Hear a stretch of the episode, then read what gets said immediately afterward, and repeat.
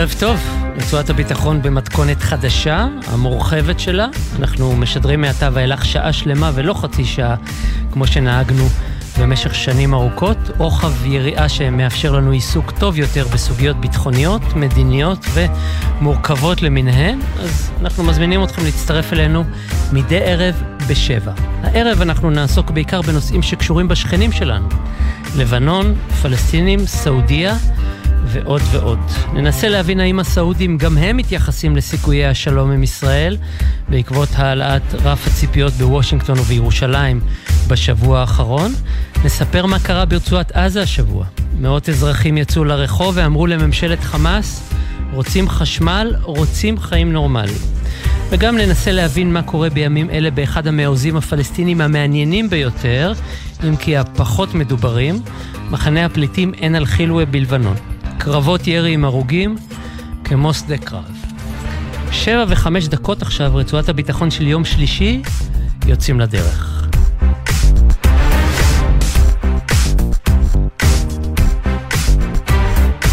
לפני הכל אנחנו פותחים עם הפיגוע היום במעלה אדומים, בלי אבדות בנפש אמנם, ועדיין פיגוע קשה ומסוכן בנשק חם, פלסטיני מהכפר השכן. אנחנו אומרים ערב טוב לכתבנו לענייני צבא וביטחון דורון קדוש. שלום דורון.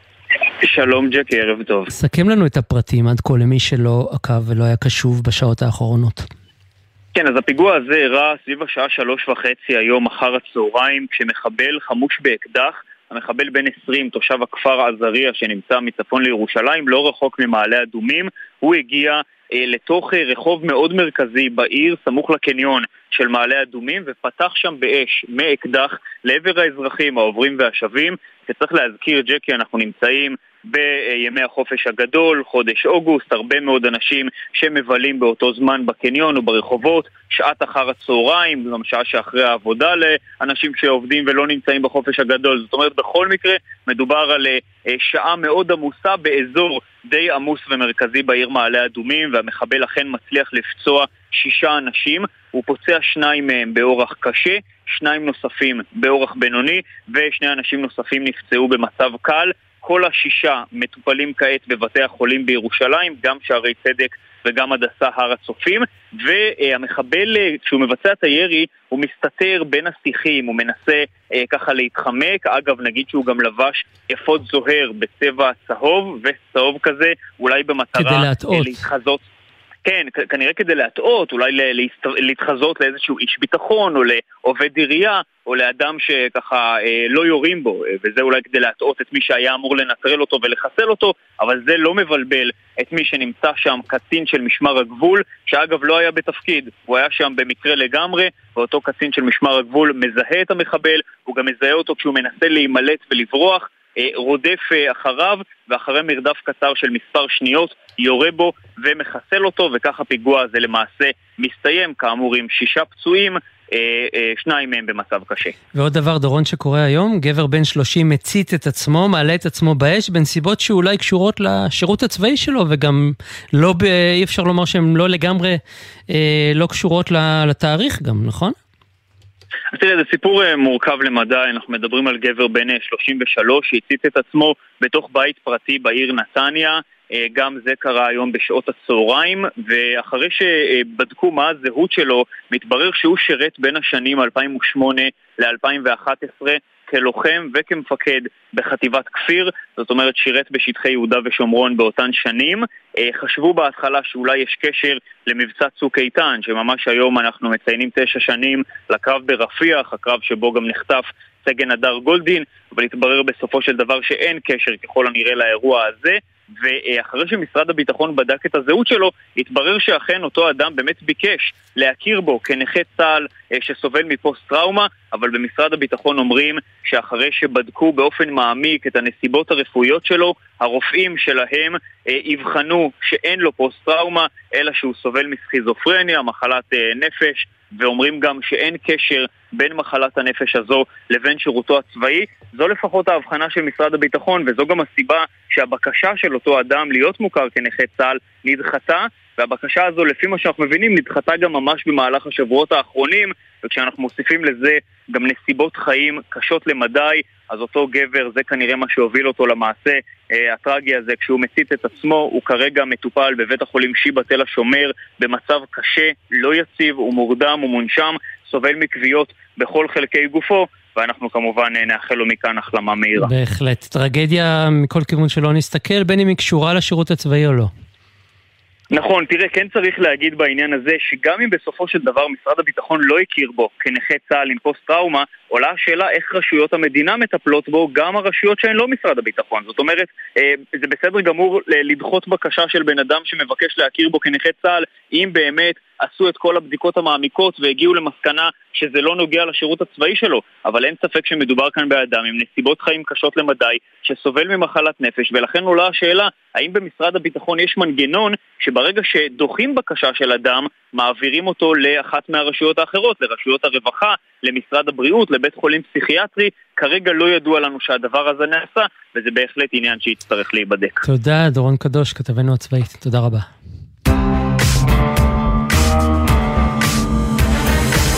אנחנו כמובן נמשיך ונעדכן במהלך התוכנית אם יהיו התפתחויות בנוגע לפיגוע היום במעלה אדומים, אבל בינתיים נתחיל את פרק הראיונות ברצועת הביטחון הערב. נשארים בעניין הפלסטיני אבל מרחיקים ללבנון. אה, ואם אמרנו לבנון אז איתנו אלי כרמלי, ערב טוב לך. ערב טוב, שלום. חוקר זירת לבנון במכון ממרי. קרבות דמים במחנה הפליטים הגדול ביותר שם, עין אל-חילווה. כמה נהרגו כבר? אנחנו יודעים על אה, כנראה מספר אה, דו-ספרתי של אה, הרוגים וכמה עשרות פצועים. זה כבר שלושה ימים שמתחוללים שם קרבות באש מקלעים, בפצמ"רים, זאת אומרת יותר מהקרבות הממוצעים. הכל בתוך המחנה, פלסטינים נגד פלסטינים ולהפך. זה בתוך המחנה, אבל לפעמים יש אה, פגזים או פצמ"רים שזולגים לצידון, העיר הקרובה, וגם שם יש אה, נפגעים. אז מה קרה שם בעצם? איך זה התלקח? מה שקרה זה שמישהו הטמין אה, מערב לקצין בכיר של פת"ח, שהוא הכוח ששולט במחנה, הרג אותו ושלושה מאבטחים שלו, ומשם הכל התחיל. ככה, וידוע למה, למה הדבר הזה נעשה? לא, לא כל כך פשוט להרוג קצין בכיר בפתח במחנה עין אל-חילו. לא, לא, לא ידוע הסיבה הספציפית, אבל אנחנו יודעים שפתח הוא שולט uh, במחנה, אבל חוץ ממנו יש שם נציגויות של uh, כמעט כל uh, זרם פלסטיני שאפשר לחשוב עליו. כולל פלגים פונדומנטליסטיים וקיצוניים שלא לא בדיוק מעניין אותם אה, לשמור על הסדר במחנה, ואם אפשר לסבך את פת"ח עם שלטונות לבנון אז זה גם לא כל כך נורא. ומבחינתם מנסים אה, לעשות מה שאפשר. וכשאנחנו אומרים, בהקשר הזה כשאנחנו אומרים פת"ח זה פת"ח אבו מאזן. אה, כן, זה, זה לא, לא. לא אחד הסניפים האחרים. כלומר, לא, זה פת"ח אבו מאזן, יש לפלסטין שגריר בלבנון, והם יושבו היום וניסו אה, למצוא פתרון. ואם צריך להמר על חשוד מיידי, מי לדעתך או להערכתך הזהירה זה יכול להיות? סביר להניח שזה מישהו מ... או אוסבת אל-אנסאר או ג'נוד א-שאם, שאלה שני הארגונים הקיצוניים אה, יחסית הכי גדולים שיש להם נציגות במחנה הזה. שרוצה לאתגר את הכוח החזק ביותר בו. הם, הם רוצים אה, לאתגר את פת"ח, הם רוצים להפריע ללבנון, והם רוצים אה, ליצור לעצמם יחסי ציבור. אוקיי, אלי כרמלי, תוכל לספר קצת על עין אל-חילווה? אה, מחנה פליטים שהוא מעוז פלסטיני במובן הזה שהוא מנוהל די בעצמאות אה, על ידם. אה, אין הרבה משילות למדינת לבנון בתוך המובלעת הזאת. אין בכלל, המחנות, המחנות בלבנון הם אקס-טריטוריאליים, כלומר, לפי הסכם קהיר מסוף שנות ה-60 לשלטונות לבנון, אין, אין זכות חוקית להיכנס למחנות, גם אם הם רוצים. חיילים יכולים לעמוד בחוץ ולעצור מישהו אם הם אה, מצליחים לתפוס אותו, הם לא יכולים להיכנס לתוך המחנה. המחנה עצמו הוא לא מאוד גדול, הוא מאוד מאוד צפוף, יש שם אה, בסביבות 60 אלף אה, תושבים על משהו כמו שני קילומטר מרובע, חיים בתנאים מאוד מאוד קשים. 60 אלף על שני קילומטר מרובע, אם אני זוכר נכון, זה נתון שהוא אפילו יותר צפוף ממחנה ג'באליה בעזה. שהוא זה נורא ואיום. כן, שבמשך שנים תואר כאחד המקומות הצפופים בעולם. כן, אה, אולי הנתונים לא, לא הכי מדויקים, כי אף אחד לא יודע בדיוק מה המספר, אבל זה המספר שנוקבים בו בלבנון. אז אני רוצה לנצל את השיחה שלנו uh, כדי לספר למאזינים uh, קצת באמצעותך על המצב בלבנון. אנחנו שומעים כל הזמן שהוא רע ומעורער ואפילו הולך ומידרדר ככל שחולפים הימים. איך זה מתבטא בפועל? אתה מדבר על המצב בלבנון באופן כללי? כן, כן. אני יצאנו לרגע מגבולות uh, קו, uh, תחום המושב של מחנה עין אל-חילווה. טוב, לבנון אה, משותקת, אבל אה, זה לא, זה לא מצב חדש ולא מצב שהלבנונים לא מכירים אותו. אין אה, נשיא כבר תשעה חודשים, אין ממשלה כבר, אני כבר לא זוכר בעצמי כמה זמן, כבר כמה שנים. היו בחירות במאי, במאי לפני שנה וחודשיים ולא לא הצליחו מאז להרכיב ממשלה. מכיוון שיש שני גופים שכל אחד מהם מושך לכיוון אחר, ועד ש... שהאיראנים לא יגידו שמספיק, אז שום דבר לא ייפתר שם. וכמו שכולנו יודעים, תלוי ועומד משבר חריף בינינו לבין חיזבאללה, התגרויות בגבול, ראינו את זה למכביר בשבועות האחרונים. אתה רואה תמיכה לזה בציבור הלבנוני? כלומר, אנחנו מכירים את העמדות של חיזבאללה, אנחנו אה, פחות או יותר אה, אה, רואים מה הצד הישראלי, איך הוא מגיב, אבל בציבור הלבנוני, או בכלל בשיח הלבנוני, אה, איך זה נתפס, אם בכלל? אני לא, לא רואה שינוי בתקופה האחרונה. יש את המחנה של חיזבאללה שהוא כמובן תומך בארגון ותומך ב... כרגע הפרובוקציות שלהם מתרכזות ב... בחלק הצפוני של הכפר רג'ר. ויש את המחנה שהוא אה, מתנגד לחיזבאללה והוא באופן מסורתי אה, תוקף אותם. גם ראינו את ראש אה, הפלנגות היום מאשים את חיזבאללה במה שקורה בעין חילווה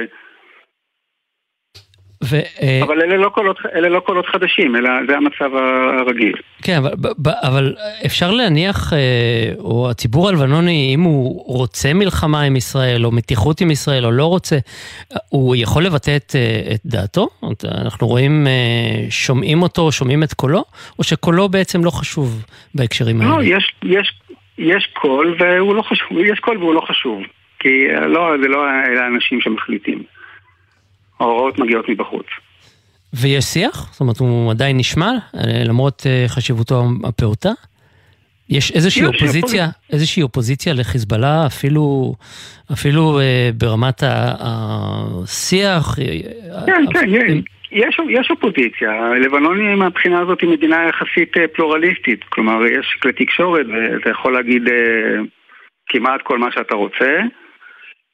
ואנחנו רואים שיש אפילו תזוזות אה, טקטוניות שפתאום אה, הזרם הלאומי של ג'ובראן בסיל, שהוא בן הברית של חיזבאללה בעשור וחצי האחרון, אה, מתחיל, אה, הברית ביניהם מתחילה להיסדק בתקופה האחרונה, אבל זה עדיין לא מספיק.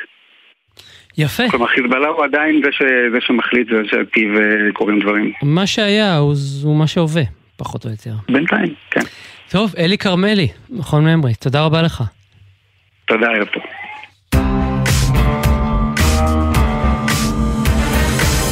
לא רק בקפלן, גם בח'אן יונס, מפגינים נגד הממשלה, ממשלת חמאס, ולא רק שם, אלא גם בג'באליה ובעיר עזה עצמה, ובעוד מקומות, מחאה על תנאי החיים הקשים, תופעה שבחמאס לא מחבבים במיוחד, אה, מן הסתם, מחאת רחוב נגדם, אומנם לא נרחבת, אבל בהחלט קולנית. אנחנו אומרים עכשיו אה, ערב טוב לדוקטור מיכאל מישקן. שלום, ערב טוב ג'קי. חוקר בכיר באוניברסיטת תל אביב ואוניברסיטת רייכמן, ובעבר יועצו של מתאם פעולות הממשלה בשטחים. ספר לנו מי המפגינים האלה בעצם. אה, האמת, ג'קי, עוד לפני שאנחנו בעצם שואלים מי המפגינים, אנחנו צריכים לשאול אה, בהמשך של, לפתיח שלך על מה בעצם ההפגנה. וההפגנה כאן היא הפגנה שהייתי אומר חוזרת אה, מדי, מדי חורף ומדי קיץ, בעיקר כשיש מזג אוויר קשה בעזה ואין מספיק חשמל בעיקר להניע, להניע מיכון ש, שיעזור במזג האוויר. וההפגנה כאן היא בעצם נגד המצב. עכשיו, אתה ציינת בהתחלה שזו הפגנה נגד חמאס, הייתי אומר בשוליים היא גם נגד חמאס, אבל היא סוג של מחאה כללית על המציאות בעזה, ואנחנו מדברים בעצם על, על הפלסטינים ממוצע, כלומר רוב מי שיוצא אה, היום לרחוב, בין אם זה בח'אן יונס, ברפיח, בשבליה, זה, הייתי קורא לזה אנשים, אה, אנשים ממוצעים, בעיקר אגב בני דור צעיר. אין שם איזה פעילים פוליטיים בולטים או איזה אנשים שלוקחים את המצב הכלכלי ומנסים לתרגם אותו לאיזה אג'נדה פוליטית.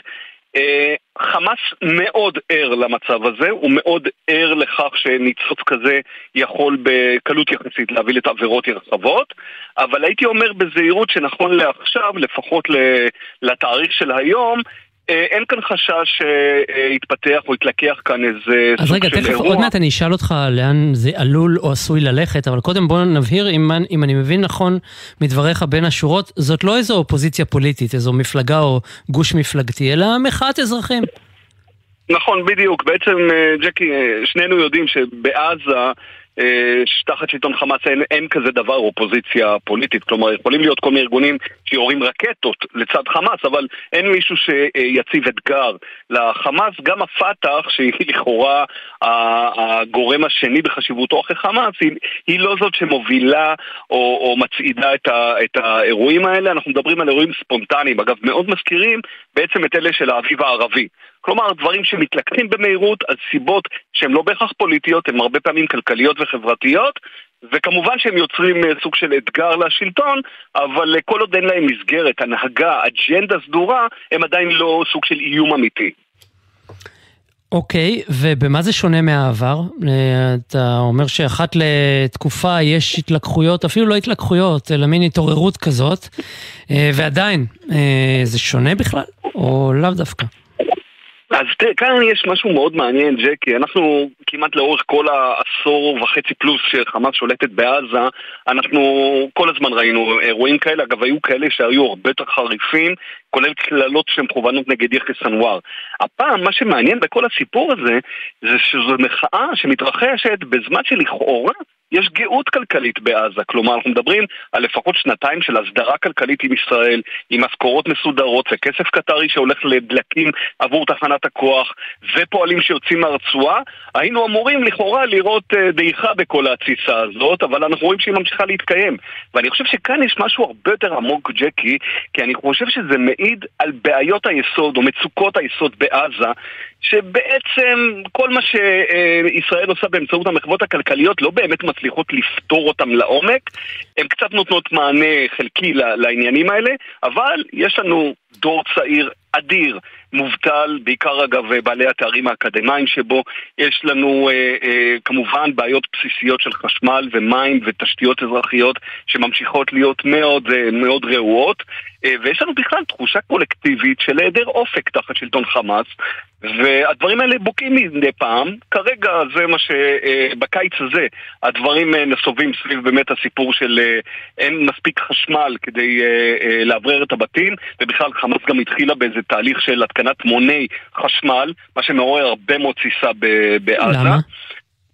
מפני שהאמירה הבסיסית של התושבים היא אנחנו יודעים שאתם חמאס מקבלים בחינם את החשמל הזה. גם מישראל, ובטח שמקטאר שמשלמת עבור הדלקים אה, לתחנת הכוח, אז מה פתאום אתם עוד ממסים אותנו וגונבים מאיתנו תשלום שכנראה הולך לכיסים שלכם?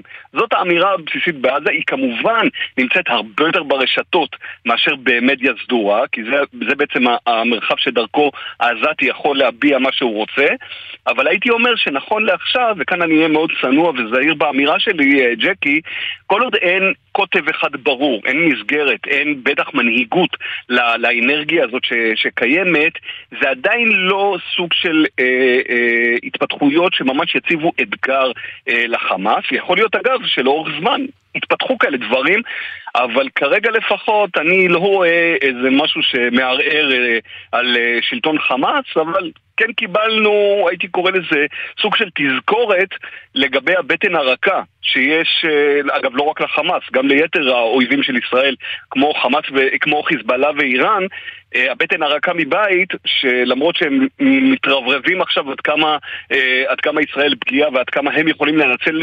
הזדמנויות, צריך לזכור, יש להם עורף פריך מאוד מבית, והנה, קיבלנו תזכורת בדמות ההפגנות האלה בעזה. ובואו נשלים את הדברים האלה ונאמר שמדובר היום על, בשיא הקיץ על ארבע שעות חשמל ביממה. אה, על זה הם מדברים ומן הסתם אנחנו יכולים להבין איך הם אה, ולמה הם יצאו להפגנות האלה, אולי אפילו להתפלל למה הן לא נרחבות יותר. אה, אני רוצה לשאול אותך, אתה הזכרת את ישראל, ישראל שם נישאת בפי קול במחאה הזאת או שהיא מכוונת בעיקר בעיקר לעבר הממשל המקומי. לא, אז כמובן שכמו תמיד, השם של ישראל משורבב, אפילו אה, חמאס, כשהיא מדווחת או כשהיא מנסה אפילו קצת להסיט את ההפגנות האלה לכיוונים שיותר נוחים לה, היא כמובן מכניסה את השם ישראל, והיא כמובן מסבירה שהכל הוא בגלל אה, האכיפה. לא, השאלה אם המפגינים, המפגינים שהם פחות או יותר גוף אה, די, אה, די אומנם מצומצם, אבל הומוגני פחות או יותר, האם הם, הם רואים בישראל גם חלק מ... רואים, מטילים עליה חלק מהאשמה למצבם, או שבעיקר הם, הם מפנים את הביקורת לשלטון שלהם? אז אני חושב שכאן זה, זה מתחלק, אגב עוד גורם ש, שגם איתו מתחלקת האחריות בעיני המפגינים זה הרשות הפלסטינית שדואגת, או בוא נגדיר ככה, לא יוצאת מאורה כדי לסייע לעזתים שהם לכאורה אמורים להיות כפופים אליה, אני מדבר על השלטון ברמאללה בוא נגיד שביתר קלות העזתים יכולים למחות נגד ישראל, גם נגד הרשות, להתחיל להגיד סיסמאות שמכוונות ליחיא סנואר, למוחמד דף, לגדודי אל-קסאם, זה כבר עניין יותר אה, מסוכן. אה, הוא ניסה מדי פעם, אבל העניין כאן הוא שצריכה להינקט הרבה מאוד זהירות, וכמובן שחמאס, שהסנסורים שלה מאוד מאוד חדים על כל מה שמתפתח בעזה, יודעת גם לגדוע ולהגביל, אה, ולפעמים גם להסיט את האנרגיות האלה, ככה שלפחות כרגע אני... הייתי אומר בזהירות, ג'קי, עדיין אנחנו לא רואים את אבו עזיזי העזתי, שבאמצעות איזה מהלך אה, דרמטי שלו, יתחיל להבעיר כאן איזה אביב עזתי שלא היה כאן אה, אה, לאורך כל העשור האחרון. אני אשאל אותך לסיום אה, בעניין אחר לגמרי, אבל כמובן באותה זירה, אה, משבר חריף מאוד אצלנו, אה, שכמותו לא נראה, לא נראה מעודנו אולי, אה, ואתה לא שומע את סינואר אומר מילה אחת אפילו. אה, גם הנייה כמעט לא מתייחס לזה. למה בעצם? אה, נכון. דרך אגב, מעניין, ג'קי, שדווקא המנהיגים בחוץ של חמאס, כמו מוסא אבו מרזוק ופה ושם ח'אלד משעל, הם דווקא כן אה, ככה חשים אה, אה, יכולת אה, לטפס על העגלה הזאת. אני חושב, ואני אומר את זה כאן בזהירות, כי אני קורא גם את המאמרים שהפלסטינים מפרסמים במדיה שלהם, שיש כאן שתי סיבות אה, מרכזיות. אחת, אה, אמירה של אה, בואו לא נסתבך עם ישראל, כי כרגע הכף יד הזאת היא זאת שנותנת לנו את אה, כל המחוות הכלכליות. כלכליות שמאוד חשובות לנו לעיצוב השלטון שלנו, אז בואו לא נרגיז אותה יותר מדי. והדבר השני, והוא עולה אגב גם במדיה הפלסטינית וגם בזאת של חיזבאללה, היא בואו ניתן להם פשוט, איך אומרים בשפה העממית, להתבחבש בעצמם. אבל לא נעזור להם, להפך, אם אנחנו עכשיו נתחיל לעשות שיגורי רקטות או פיגועים, יכול להיות שאנחנו נסיט אותם מהעימותים מה, הפנימיים ואפילו נגרום להם להתלכדות וזה דבר שלא נחוץ. עכשיו, בואו נגרום להם יותר ויותר להתבשל במיץ של עצמם, זה גם uh, סוג של uh, לוגיקה די, די מובילה. לצד כל מה שדיברנו עד עכשיו, uh, ג'קי, שזה בעצם בעיות הפנים של כל אותם גורמים, אגב, גם בלבנון ובטח שבאיראן, כן. שצריך לזכור... כל הגורמים האלה ממשיכים להתעסק עם בעיות פנימיות, פוליטיות, כלכליות, חברתיות, מאוד קשות. לא כל כך מהר הם, הם, הם ככה יכולים להתפנות להסלמות רחבות ולהאמין שיש להם עורף. אז אתה אומר בעצם שאויבינו צופים בנו ומאחלים לשני הצדדים בהצלחה.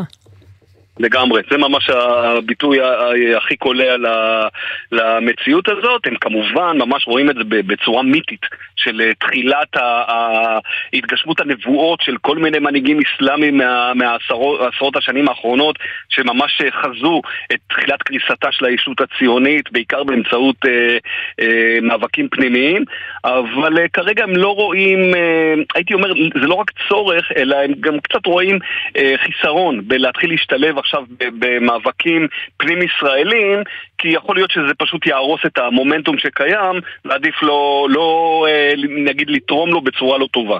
כן. טוב, דוקטור מיכאל מישטיין, תודה רבה לך. תודה לך, ג'קי. אנחנו יוצאים לכמה הודעות וחוזרים.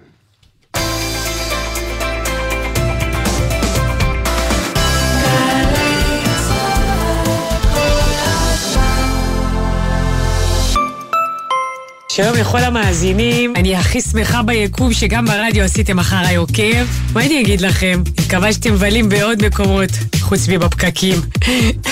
סתם, זה לא יפה, וואי, אני לא בסדר, זה לא...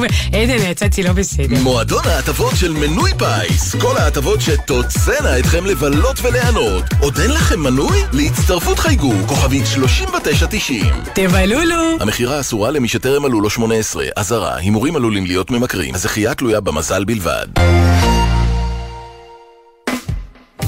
שלום, כאן יואב גינאי. המוסיקה ברדיו גרמה לי להבין מגמות בחברה שלנו. הסרט האחרון שראיתי בקולנוע לימד אותי על הכלכלה שלנו. והצגת התיאטרון האחרונה שעלתה לחצה לי על הנקודות הכי בוערות במדינה. כי זוהי תרבות, המראה הכי חדה לחיים שלנו. ולכן, בכל שישי בבוקר אני שואל, מה יהיה בתרבות? מה יהיה עם יואב גינאי? שישי, תשע בבוקר, גלי צה"ל. האם חשבתם פעם עד כמה האזנות סתר נפוצות בארצנו? אני לא זוכרת תיק בלי האזנות סתר. איך קרה שאלפי ישראלים מצאו את עצמם מכורים למשככי כאבים? זה הפך להיות תלות טוטאלית. או איזו עזרה מהמדינה מקבלות משפחות הנעדרים האזרחים בארץ? כולנו נמצאים לבד המערכת הזאת. כל אחד מהנושאים הללו חי ובוער ומשפיע על החיים של אלפים מאיתנו. אבל מתי בפעם האחרונה שמעתם מישהו מדבר עליהם? בדיוק לשם כך יצרנו את התחקיר. גלי צה"ל בשיתוף פעולה עם שומרים צוללים בכל פרק בהסכת אל התופעות המסעירות ביותר, אך הנסתרות והרחוקות מהכותרות היומיומיות. התחקיר, בהגשת עמית תומר ורוני זינגר, בכל זמן שתרצו באתר וביישומון גל"צ גלגלצ, ובכל מקום שאתם מאזינים להסכתים שלכם.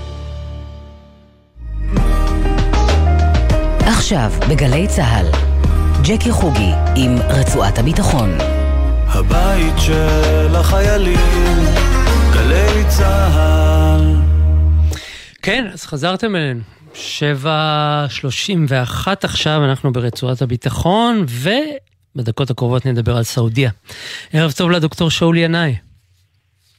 ערב טוב אה, ג'קי וערב טוב למאזינים. הפורום לחשיבה אזורית, אה, אופציות השלום או אופציית השלום איתם לא יורדת אה, מהכותרות, אבל מתקיימת כאן סחרחרה, אתה תסכים איתי. שבוע אחד יש התקדמות, שבוע אחר כך נסיגה, וראש הממשלה נתניהו אמר השבוע שאנחנו, מדינת ישראל מתכננת רכבת למפרץ ולסעודיה. קודם לכן נשיא ארצות הברית ביידן אומר שהוא חושב שיש התקדמות. אתה יכול לספר לנו איך זה נראה מהצד שלהם? הם, הם צופים בנו ומה? אה, כן, אני רק אגיד שגם השר אלי כהן חושב שיהיה הסכם שלום מאוד מהיר. אה, זה לדעתו, ולגבי הרכבת, קודם כל שתהיה מסילת רכבת בין ירדן לערב הסעודית, שהמסילה הישראלית העתידית תוכל להתחבר אליה. קודם שתהיה לאילת, לא? כן, זה תנאי, אבל כרגע אין אפילו מסילת רכבת בין ירדן לערב הסעודית, אז החיבור ייאלץ להמתין לסיפור הזה. לענייננו, תראה, אה, אה, אני לא שומע על הסכם שלום, אני שומע על נורמליזציה. או אפילו מושג חדש שנחשפתי אליו לאחרונה, שאותו ביטאה שגרירת סעודיה בארצות הברית, רימה בן בנדר אל-סולטן, אתה יודע מי היה בנדר אל-סולטן. היה השגריר הוותיק ביותר של ערב הסעודית בארצות הברית, עד למתקפת 11 לספטמבר. מה היא אומרת לתקשורת האמריקאית? היא אומרת, נורמליזציה, בוא נעזוב את זה בצד לרגע, נדבר על אינטגרציה. אינטגרציה של ישראל למזרח התיכון, כלכלית, מדינית, ביטחונית, שאולי תוביל לנורמליזציה חלקית, כי שלום מלא, היא אומרת ברעיונות, תלוי בהסכם שלום הוגן בין ישראל לפלסטינים, והממשל הישראלי כרגע לא בכיוון. Mm-hmm. ועורך ראשי של Arab News, פייסל עבאס דווקא מתרגש. הוא שואל במאמר מערכת לפני יומיים שלושה, האם עצם האפשרות לנורמליזציה עם ישראל היא התקדמות משמעותית ביותר עבור הפלסטינים, הישראלים והסעודים? והוא משיב לשאלה שלו בכן, זה יהיה צעד משמעותי. אבל הגמביט הסעודי האמיתי הוא לא מול ישראל, הוא מול וושינגטון. כן, ברור, זה אנחנו נדבר מיד, אבל אתה אומר משהו מעניין. אם היא מכניסה איזשהו, איזשהו מושג לשיח, מן הסתם זה מבטא גם רעיון. כלומר, בעצם ייתכן שמה שמונח על השולחן כרגע בין ישראל לבין אה, אה, סעודיה וארצות הברית, אה, לצורך העניין האמריקאים מנהלים את השיח הזה, זה סוג של אה, שלום מינוס, או יחסים רשמיים מינוס. אפילו לא שלום, אפילו לא יחסים, אלא אינטגרציה. כלומר, ישראל תהיה לה גישה לשווקים הכלכליים, ותהיה חלק מקבלת ההחלטות כזה או אחר שישפיע על המזרח התיכון, ומדיניות התיאום הביטחונית ואולי הרכש הביטחוני יימשכו ואולי אפילו יקבלו אה, אה, גילוי נאות, כי כרגע זה נעשה במחשכים יותר. אני אומר, את האינטגרציה היא אפשרית. אפשר לקיים יחסים בלי לקיים יחסים, כי התנאי שלנו, מה שכל הדוברים הסעודים אומרים, זה קבלת ישראל את היוזמה הערבית והיוזמה הסעודית mm-hmm. להסכם שלום הוגן עם הפלסטינים. לכן הם מוכנים ללכת בתורת השלבים, תקרא לזה, הצעדים, המדודים, אה, לקראת היעד הנחשף של ישראל לפחות. אוקיי, okay, אז מה הם, מה הם צריכים לקבל כדי לתת את אותה אינטגרציה? או, מישראל, אם נעזוב שנייה את הפלסטינים, הם לא רוצים כלום. ופה, לכן מה שאמרתי זה הגמביט הסעודי האמיתי. הם, אתה יודע, כידוע, הם הציבו שני תנאים אה, לנורמליזציה בישראל וארצות הברית, פיתוח תוכנית הגרעין, אה, ישראל וארצות הברית מתנגדות, והסכם הגנה. ופה הגמביט האמיתי. הסכם הגנה בדומה לנאט"ו, שאם ערב הסעודית מותקפת, האמריקאים מתחייבים לשלוח צבא להגן על הממלכה. זו דרישה שכרגע רבים מחברי הקונגרס האמריקאים הם מתנגדים לה. עכשיו, במילים אחרות, לומד, למרות שנראה כאילו הסעודים היום שולטים בתהליך, להערכתי הסעודים נואשים. הם זקוקים מאוד להישארותה של ארצות הברית במפרץ, במזרח התיכון. הם חוששים שארצות הברית תממש סופית את דוקטרינת האובמה מלפני כעשור. מה, מה אומרת דוקטרינת אובמה? Not far, not the nearest but the far east. כלומר, נסיגה מלאה מהאזור, אה, אה, שזה עבור הסעודים, התגשמות החלום האיראני. כי זו הייתה אסטרטגיה איראנית מאז 1979, נסיגה אמריקאית. היא השלב המכריע בדוקטרינת לא מזרח ולא מערב המפורסמת של חומיני, שאותה קבע כמהלך מקדים להפלת השושלת הסעודית. ונזכיר עכשיו... גם, נוסיף על דבריך, שהסעודים, אה, אם הם מסיטים את המבט מהאמריקאים, את מי הם רואים? את הסינים? את האיראנים? אין כל כך מישהו שאפשר לסמוך עליו. אה, הסינים אה, ביחסים מצוינים עם האיראנים כבר הרבה מאוד שנים. נכון שהסינים היום הם לקוח ענק, אולי הכי גדול, של הנפט הסעודי, אבל היחסים בין סין לאיראן הם הרבה יותר חזקים והרבה יותר מבוססים מאלו של אה, אה, אה, הסעודים. אה, לפני כמה ימים שוחחתי עם מישהו מריאד ואמר לי, כן, האמריקאים מפחדים לספק לנו את הנשק המתקדם בגלל הנוכחות הסעודית. אנחנו חוששים שהנשק ייפול, או הידע הסודי ייפול לידי הסינים, והם יעתיקו אותו כמו שהסינים העתיקו כמעט כל דבר. אז תשמע, אז על סמך מה ראינו את הפרץ האופטימיות הזה מפיו של ביידן ובעקבותיו אה, אה, אותה הבטחת פסי רכבת מפיו של ראש הממשלה שלנו? הרכבת זה כבר אה, מחוץ ליכולת שלי להבין, כמו שאמרתי, אין אפילו רכבת בין ירדן לערב הסעודית ואין גשר, אין, אין גבול בין ישראל לערב הסעודית. אבל אולי זה לאסטרטגיה לעוד 10-15 שנים, אני לא יודע. אבל מה שאני כן אני רואה, אני רואה שהאמריקאים מתחבטים מחדש בשאלה האם היציאה שלהם למזרח התיכון היא נכונה לנוכח הכניסה של הסינים. האם במשחק הגדול של המעצמות על האזור ואולי על uh, מקומות נוספים בעולם, האם זה הזמן להפקיר את המזרח התיכון לסינים, כי סינים ידועים שנכנסים לכל ואקום, לכל מקום פתוח שהם משאירים להם, וזה ויכוח, ויכוח היום בארצות הברית לגבי מה המדיניות האסטרטגית שלהם, לא הטקטית, לגבי המזרח התיכון.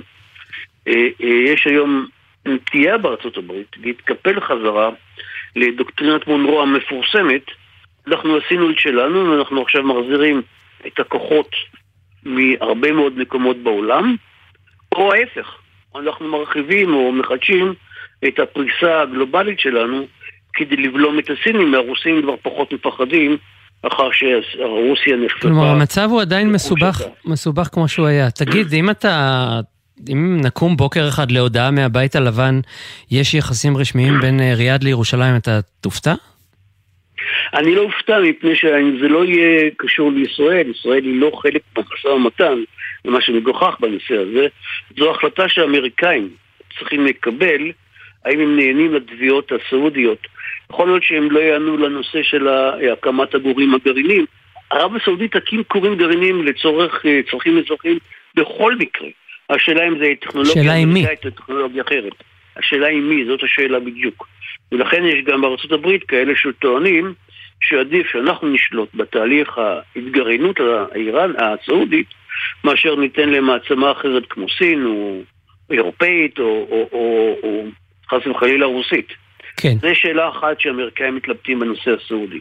אבל השאלה המכרעת היא האם תהיה ברית הגנה. האמריקאים נמנעו מברית הגנה מאז 1945. אמנם הם מימשו את ההבטחות בעל פה שלהם, הם באו לעזרת כווית וערב הסעודית במלחמת המפרץ הראשונה, אבל אה, אה, אה, המחיר היה יקר מדי, וארצות הברית היום מתקפלת מהמזרח התיכון צבאית, וברית כזו יכולה להחזיר אותם כהרף עין, כי אנחנו יודעים שהמזרח התיכון משתנה במהירות. אז שאול, אנחנו צריכים לסיים, לחיים. תן לי לסכם את דבריך. בעצם כל מה שאתה מניח לנו על השולחן מביא אותנו למסקנה דווקא פסימית בהקשרים האלה, לאו דווקא אופטימית. ממש להפך מכל מה שאנחנו שומעים בשבוע האחרון. בקצרה אה, בבקשה.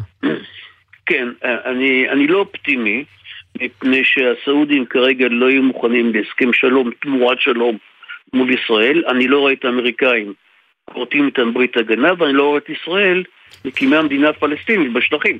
עם הממשל הנוכחי, אולי אפילו גם ממשל אחר. טוב, אז תשמע. נתנחם בכך שהסוגיה הזאת היא פרנסה טובה לעיתונאים ואקדמאים. דוקטור שאול ינאי. זה גם נכון. תודה רבה לך. תודה.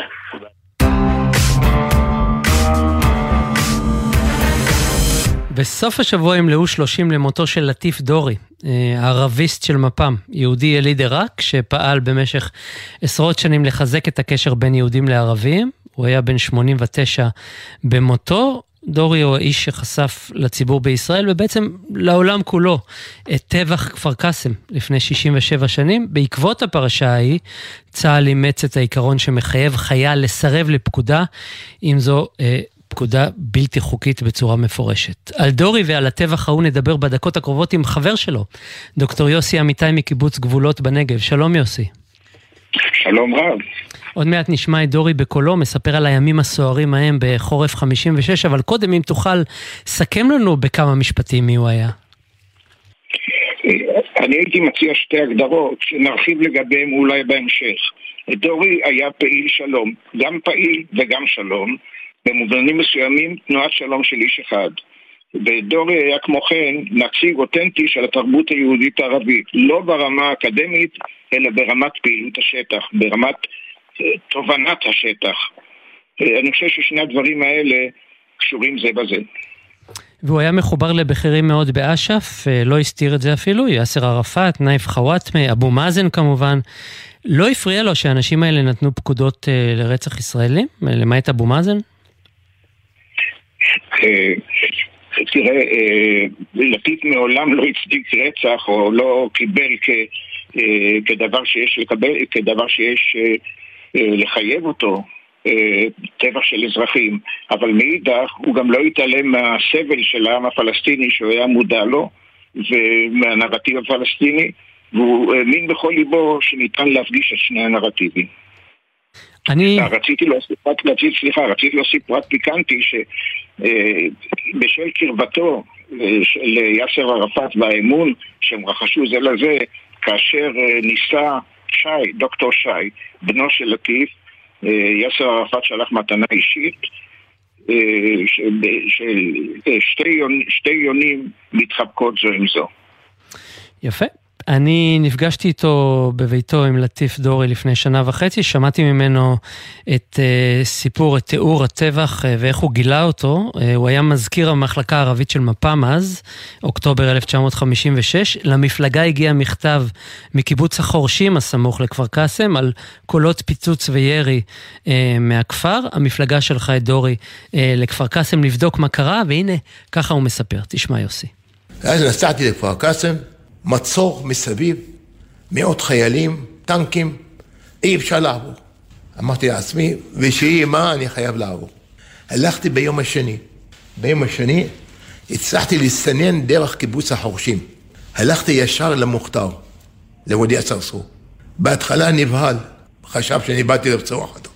עד שנפגע, הוא ישב, נתן לי את כל הפרטים, נתן לי את השמות של 49 הרוגים, ואמר לי דבר מאוד חשוב, שחוץ מההרוגים ה-49, יש 13 פצועים בבית חולים בלינסון.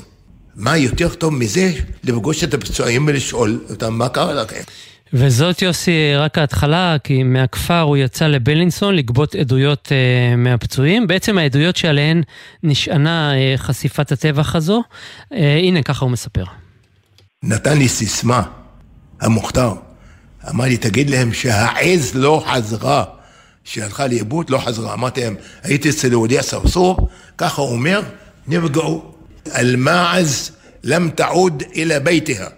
אמרתי להם, עכשיו אני רוצה שכל אחד מכם יספר לי מה קרה.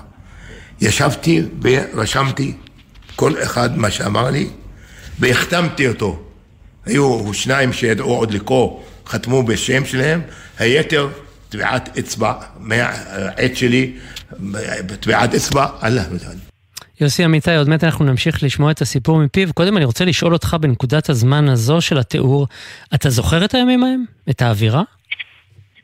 באותם הימים אני שירתתי שירות סדיר בצה"ל ועל עצם הטבח נודע לי רק בעקיפין, רק ברבות הימים נודע לי שלטיף חשף אותו לציבור כולו. אוקיי, okay, בואו נמשיך ונשמע את הדברים שלו. אז הוא אה, גובה את העדויות, מחתים את הפצועים, אה, מי בטביעת אצבע ומי בחתימה באמצעות עט, וחוזר אה, לשולחיו. הנה. חזרתי למרכז מפלגה, תרגמתי את כל העדויות לעברית, ולמחרת שלחנו את העדויות האלה, בנוסף על מה שאמר לי המוכתר, למאות אנשים בישראל. המכתבים הגיעו לעיתונאים ולאנשי חברי הכנסת ולכל מיני מוסדות. הייתה צנזורה, חודש ימים לא הסכימו לפרסם מילה. חודש ימים לא ידעו פה מה קרה, בעולם כולו ידעו מה קרה בכפר קאסם. היה לנו שני שרים בממשלה, ישראל ברזילי ומרדכי בנטו. העברתי להם את החומר כמובן, הם הביאו את זה לממשלה, בן גוריון השתמט מלהודות ברצח עד 24 בדצמבר. כשכל הארץ כבר עכשיו לא הייתה לו ברירה, בכנסת קם, איכשהו בחצי משפט אמר, מבלי להיכנס לפרטים, אמר, הייתה פעולה בכפר קאסם, נרצחו כמה כך דברים. יוסי, אתה יכול לנחש למה בן גוריון כל כך הגן על הכוחות שפעלו בכפר קאסם? למען האמת, אני, אני חושב שהייתה, היה רצון להסתיר את הדבר הזה כדי לא, לחש, כדי לא לחשוף את, את צה"ל, כדי לא לערער את התדמית הקדושה כמעט של צה"ל. וזה היה חריג? או שככה עלה בקנה אחד עם, עם האווירה באופן כללי ששררה אז? זה בהחלט עלה בקנה אחד עם האווירה ששררה באותם הימים, תחושת המצור של ישראל. דובר על כאילו סכנה מכיוון ירדן-עיראק, בעוד שלמעשה המבט הופנה אל מצרים, כן? ועולות תעודות מהזמן האחרון שנחשפו שהייתה בעצם כוונה לבצע מעין טרנספר. והטבח בכפר קאסם היה כאילו אה, פעולה לדחוף לפינוי האזור מתושבים ערבים. בוא נשמע את הקטע הבא מפיו של עטיף דורי. העדויות היו מזעזעות כל אדם, אפילו מי שהיה אויב זוועה. איך שהורידו אותם במכוניות, הייתה מכונית עם עשרים נשים, הורידו את כולם וקצרו אותם, ארבע עשר, כולל שתי נשים שהיו בהיריון. רשמתי מילה במילה, היד שלי רעדו כשרשמתי את העדויות האלה. ואיך אפשר ככה לעשות דבר כזה? נאלצו להוריד את הצנזורה ב-22 בדצמבר. למחרת, על המשמר, בעיתון מפ"ם, פרסם בעמוד הראשון את המאמר שלה לכפר קאסם, תחת הכותרת קציר הדמים בכפר קאסם. קציר הדמים בכפר קאסם וכל השאר היסטוריה. אתה בטח יודע, יוסי, ש... אבל המאזינים שלנו פחות, שהוא פרש ממרץ אה, שנתיים לפני מותו, לא מזמן, אה, בימי ממשלת בנט, כשהם היו בקואליציה, כי הם סירבו להצעה בכנסת שהעלתה הרשימה המשותפת, אה, שהמדינה תכיר בטבח. בעצם הוא היה משוייך כל חייו, לטיף דורי, למסגרות פוליטיות, שמאל כמובן, אבל בערוב ימיו לא. תשמע אותו מתייחס לזה, לנקודה הזאת של איך המדינה מתייחסת בחלוף השנים לטבח כפר קאסם. ומאז, שנה אחרי שנה, ביום הזיכרון, ב-29 באוקטובר, תמיד הופעתי בכפר קאסם, הקימו שם עצרת גדולה לזכר הקורבנות, גם דיברתי שם, והייתה דרישה מרכזית גם של ערבי ישראל וגם שלי, כיהודי, מבחינה מוסרית. דרשנו שממשלת ישראל תכיר באחריות שלה לטבח. לצערי, אנחנו היום, 65 שנה אחרי הטבח, אף ממשלה בישראל לא הכירה בעוול הזה. אני הגעתי לגיל 88 ואמרתי, עד מתי ממשלת ישראל לא תכיר בעוול הזה? אפילו כשנשיא הופצוק בא, ביקר בכפר קאסם, בנאם שם, לא אמר מילה ולא הזכיר את הטבח מהנח... מהצד המוסרי. וזה מאוד כאב לי. זה, אלה הדברים, אה, יוסי אמיתי, אלטיף דורי, אני, אני אשאל אותך בהמשך לזה, לא רק אה, אנשים כמוהו אה, הולכים ומתמעטים, בכלל המחנה שהוא מייצג. מחנה שאפילו הקים את המדינה, הנה, שרים בקואליציה, שרי מפ"ם, שרצו שלום עם הפלסטינים, אבל היום ממש שולי השוליים, זה מיעוט שבמיעוט. אה, אכן כך, אבל אה, לטיף, למרות הכל, כפי שהכרתי אותו, היה אופטימיסט חסר תקנה. אה, הוא הקים, בשעתו, אני הייתי ממקימי המועצה הישראלית לשלום ישראלי פלסטיני ונפגשנו עם נציגים אותנטיים של אש"ף. מפ"ם אסרה על חבריה להצטרף לגוף הזה, ואז לטיף הקים ועד, כן, הגדרה מצומצמת, לדיאלוג ישראלי-פלסטיני מיסודם של בני עדות המזרח. כלומר, הוא לא רצה לקבל את הסטריאוטיפ שהמזרחים שונאים את הערבים, בדיוק להפך, הוא צמח מתוך תרבות יהודית ערבית בעיראק, ולראיה, כשהוא הגיע ארצה בשנת 51, אה, הציעו לו להחליף את השם לטיף בשם ישראלי צברי אותנטי, והוא אמר לא, טוב לי עם השם הזה, כן? והוא אה, היה, הוא האמין בכל ליבו שיהודי המזרח, אלה שגדלו על ברכי התרבות היהודית-ערבית המשותפת, מסוגלים להבין את כאבם של הערבים, גם כאשר קורים דברים קשים בין, בין ישראלים לפלסטינים, ולשאוף לפתרון שיהיה טוב לשניהם. דוקטור יוסי אמיתי, אני מודה לך על השיחה הזו, על לטיף דורי שהלך לעולמו לפני אה, כמעט 30 יום. תודה רבה לך. אני אבל עליו. תודה לכם. תודה.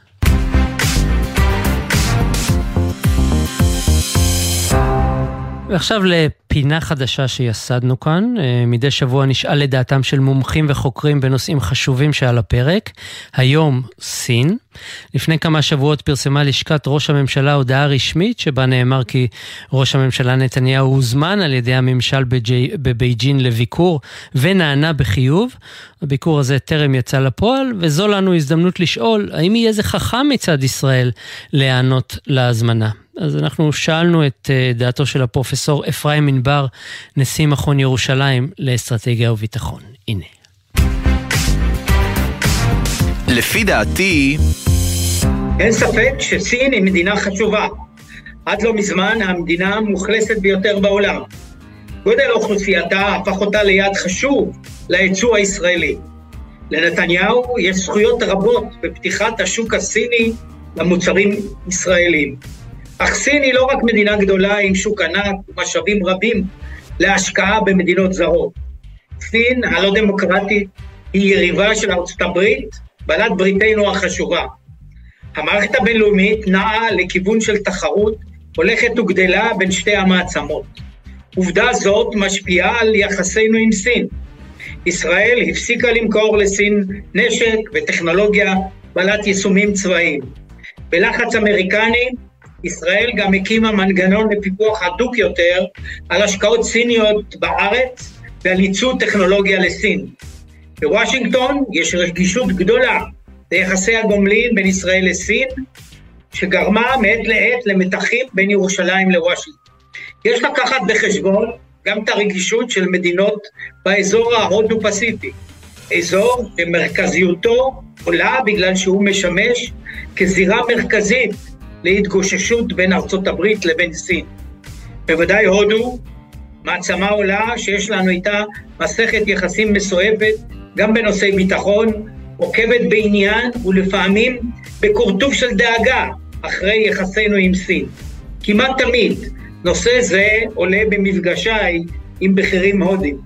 יתר על כן, נסיעה של ראש הממשלה לסין בימים אלו נתפסת בוושינגטון כהתרסה נגד הממשל של הנשיא ביידן.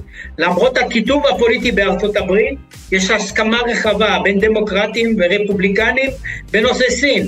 זה לא נראה נבון להצטער בארצות הברית, מתקרבים לסין או פועלים כתמול שלשום. ישראל סופגת כיום ביקורת על מדיניותה כלפי אוקראינה במערב, המצפה שישראל תעזור יותר לאוקראינה במלחמתה נגד רוסיה. אין זה נבון שישראל תצטייר בגלל הביקור של ראש ממשלת ישראל בסין כסוטה מהמחנה המערבי בנושא חשוב נוסף. גם אם ביקור של ראש הממשלה יוביל להרחבה של הייצוא האזרחי הישראלי לסין, לא בטוח כלל שזה שווה את הנזק המדיני העלול להיגרם. אין לשכוח שסין לא הייתה אף פעם ידידה גדולה של ישראל. דפוסי ההצבעה שלה באו"ם ובמוסדות הבינלאומיים הם עוינים בעליל. במרץ 2021 סין ואיראן חתמו על הסכם אסטרטגי, ובמרכזו השקעות סיניות ניכרות באיראן בתמורה לאספקת נפט למשך 25 שנים. נוסח ההסכם לא פורסם, אולם עצם חתימתו סייע לאיראן בהקלת הבידוד הכלכלי שהטילה עליה ארצות הברית בגלל שאיפותיה הגרעיניות. במרץ 2023 טיפחה סין בין ערב הסעודית ואיראן וחיזקה בזה את מעמדה של הרפובליקה האסלאמית באזור. סין גם תומכת קבועה בעמדות הפלסטינים. בעקבות המדיניות הסינית הבעייתית כלפי ישראל, לא נראה שיש להעניק לה הישג במסגרת רצונה למעורבות גדולה יותר במזרח התיכון. להפך, מתבקשת הערכה מחדש של העמדה הישראלית כלפי טיוואן, מדינה דמוקרטית ומשגשגת, המאוימת על ידי סין. אם נתניהו חושב שהנסיעה לסין חשובה, כדאי מאוד לצרף בירות אסיאתיות נוספות למסע, כדי להקטין את הרושם של התקרבות לסין. אני מקווה מאוד שהתמונה תתגבר בירושלים. זה היה דוקטור אפרים ענבר. בינתיים אנחנו נספר לכם על פיגוע דקירה בצומת אשתמוע. מחבל ניסה לדקור חיילים בתחנת אוטובוס, הלוחמים ירו בו והרגו אותו. אין נפגעים בקרבם. עוד פרטים נביא עוד מעט במהדורת החדשות של שמונה. כאן התוכנית שלנו מגיעה לסיומה. ברצועת הביטחון של יום שלישי. נועה נווה, המפיקה הראשית של התוכנית הזו, איתה בהפקה אליעזר ינקלוביץ' וורדי שפר, וגם שיר דוד. על הביצוע הטכני ליאם גל, בפיקוח היה אילן גביש, אני ג'קי חוגי. תודה רבה לכם, המשך האזנה נעימה.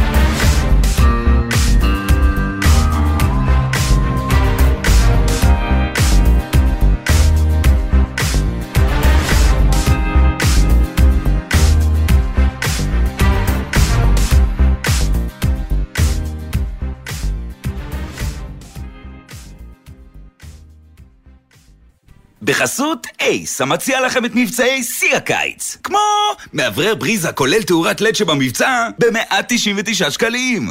אייס. מה נשמע, נשמע, סוף השבוע,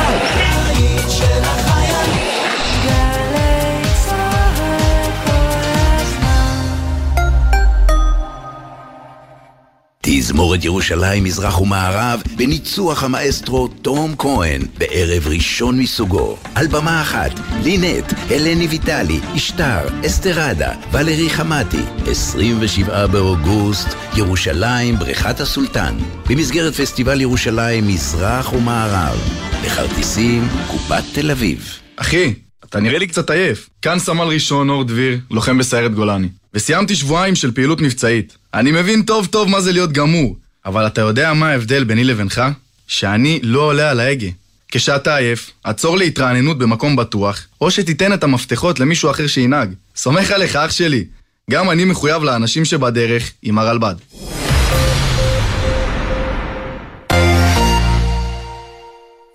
העיר נתניה וגלי צה"ל חוגגות 60 לזמר והיוצר יוני רואה. יום סבבה, איזה יום יא בבא, מרגריטה. משתתפים מאיה אברהם, קובי פרץ ופבלו רוזנברג. מופע מיוחד במסגרת הפסטיבוקלי.